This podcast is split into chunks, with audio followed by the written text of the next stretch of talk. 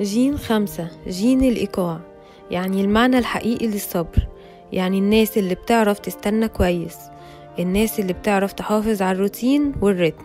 أنا إيفون ماتا ودي سلسلة مفاتيح الجينات.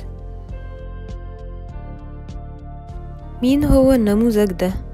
الشخص ده فاهم يعني إيه إيقاع بشكل عميق تلاقيه بيعمل لنفسه روتين عشان يتناسب مع إيقاع حياته.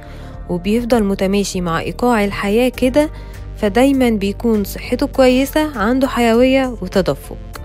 بالنسبة له حتى العلاقات الحميمية أو الشغل بيكون ليها نمط واتساق وإيقاع. في الصورة الكبيرة الشخص الإيقاعي ده بيكون مهم جدا في ضبط الإيقاع العالمي وكأنه كده بيفكر الناس إنها تمشي مع الإيقاع بتاع الكون نفسه عشان تحس بالسلام والهدوء النفسي. بالنسبة للإيقاعي الانتظار مش معناه إنه متوقف لكنه في حالة نشيطة زي الحمل كده. الانتظار هو جزء من طبيعة النموذج ده. هو بيثق في إحساسه الفطري بالتوقيت بيحط نواياه وأهدافه طويلة المدى وبعد كده بيكون واثق ومطمن إن كل حاجة هتمشي في وقتها. هو فاهم كويس إن مفيش حاجة بتحصل عن طريق الصدفة أو بدون الأدوات بتاعتها. عشان كده هو بيكون صبور جدا. وعشان هو دايما متماسك وقلبه مفتوح فبيكون معدي للناس اللي حواليه. بيخليهم حاسين بالرضا وعايشين الحياة زي الرتم الموسيقي. لما بيشوفوه بيقدر يتنفس بعمق ومش بيقع في ضغوط وتوتر بسبب المواقف اللي بتحصل في الحقيقة. جين خمسة بيكون في علاقة حميمة قوية جدا مع جين خمستاشر المرأة الجامحة اللي بتزقه بره منطقة الراحة بتاعته وتخليه يتوسع أكتر لما بتبوظ عليه الروتين اللي عامله لنفسه. وهو كمان بيساعدها تشوف أقصى احتمالاتها.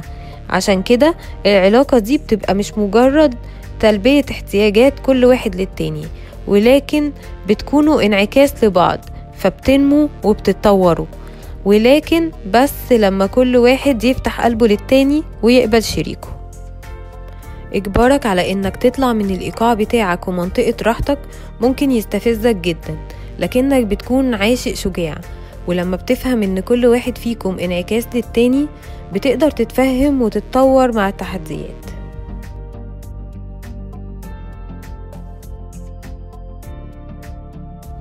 الإيقاعي كمان ممكن يكون علاقة كويسة مع جين 35 البطلة اللي بتعيش حياة غنية بالخبرة ودايما عايزة تجرب حاجات جديدة وتتعلم. موهبتها بتكمن في المغامرة وده طبعا عكس الطريقة اللي بيعيش بيها الإيقاعي.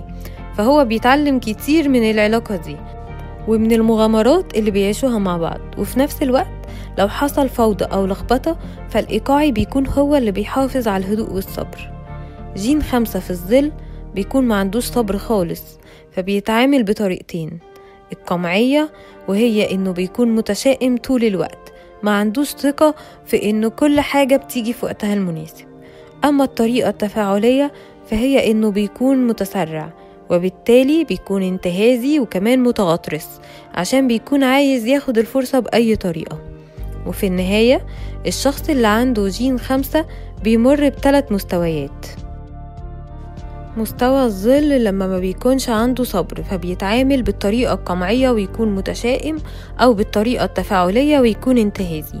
لما بتفهم إنك لما بتلاقي نفسك في فترة صعبة فده معناه إن الحياة كلها بتمر بفترة صعبة وقتها بتفهم رتم الحياة وبتعمل رتمك الخاص وبتوصل للصبر وهو الهدية.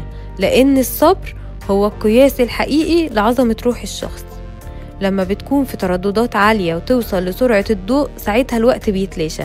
وقتها بس بتقدر تختبر الوجود النقي وهو ده المستوى الثالث الخلود. أو بمعنى آخر عيش اللحظة. وإلى اللقاء مع جين ستة جين صانع السلام. وإزاي توصل من الصراعات للدبلوماسية. وما تنساش تشترك في القناة وتفعل الجرس عشان توصلك كل الحلقات.